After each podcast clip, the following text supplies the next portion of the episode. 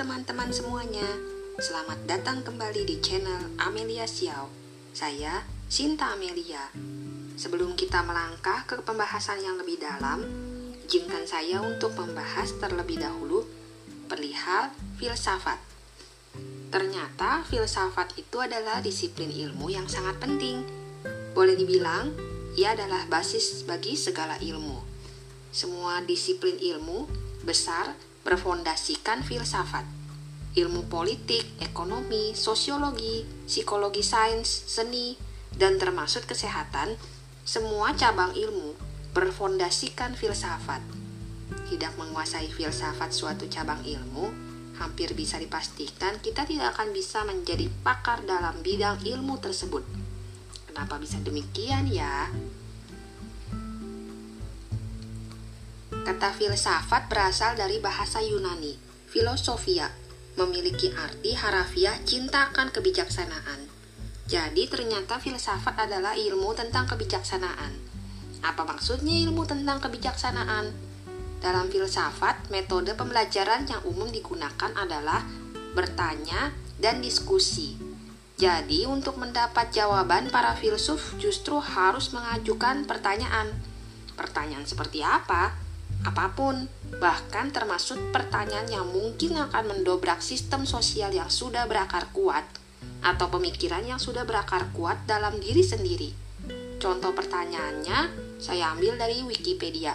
Misal sebagai berikut. Apakah memungkinkan untuk mengetahui segala sesuatu dan membuktikannya? Apa yang paling nyata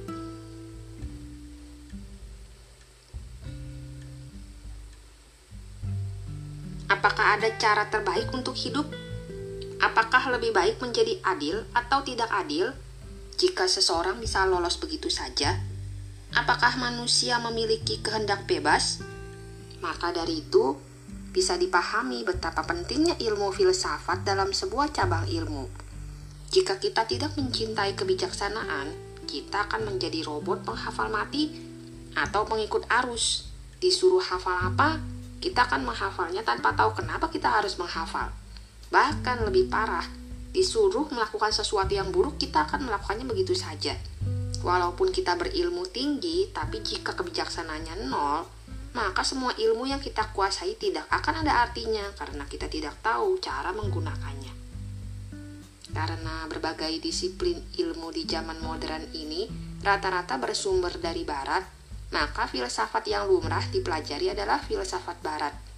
Tapi apakah ini berarti timur tidak memiliki filsafat? Tentu saja tidak. Setiap negara besar tentu memiliki filsuf dan ilmu filsafatnya sendiri. Demikian pula dengan TCM juga berfondasikan ilmu filsafat. Filsafat TCM adalah filsafat China kuno dan ini sangat berbeda dengan filsafat barat. Tapi tetap saja merupakan filsafat ilmu kebijaksanaan. Adapun filsafat banyak dibahas dalam TCM adalah teori Qing Qi, Yin Yang, dan lima unsur.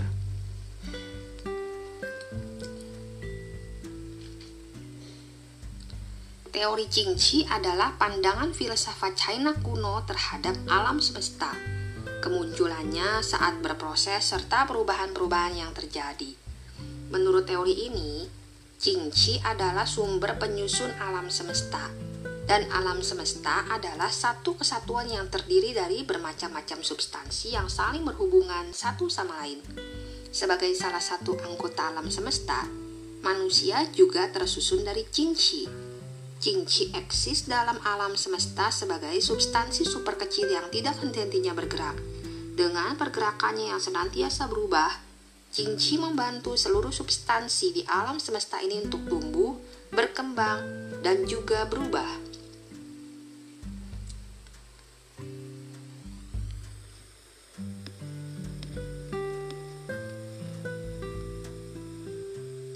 Teori Yin Yang adalah teori dalam filsafat China kuno yang sederhana mengenai oposisi dan kesatuan ini juga merupakan cara lain dari orang China kuno dalam mencari, mencari tahu akan penjelasan lebih dalam mengenai alam semesta dan segala rahasianya.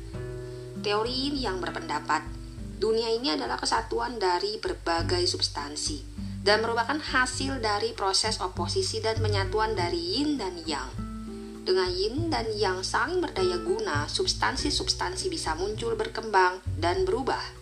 Teori yin yang adalah teori filsafat yang sangat penting dalam semua disiplin ilmu China kuno, termasuk tentunya TCM. Dan teori ini bukan hanya sangat penting, tapi juga sangat menarik untuk dibahas.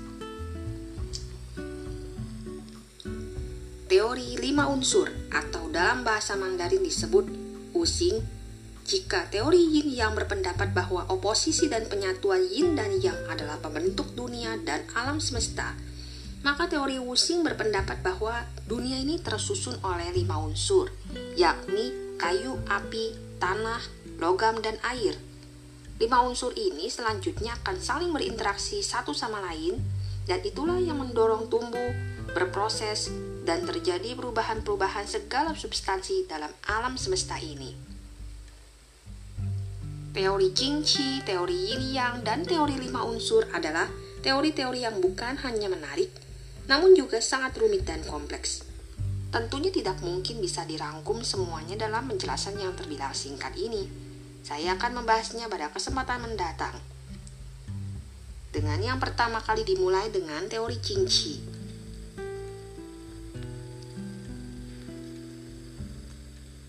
Sekian untuk penjelasan kali ini.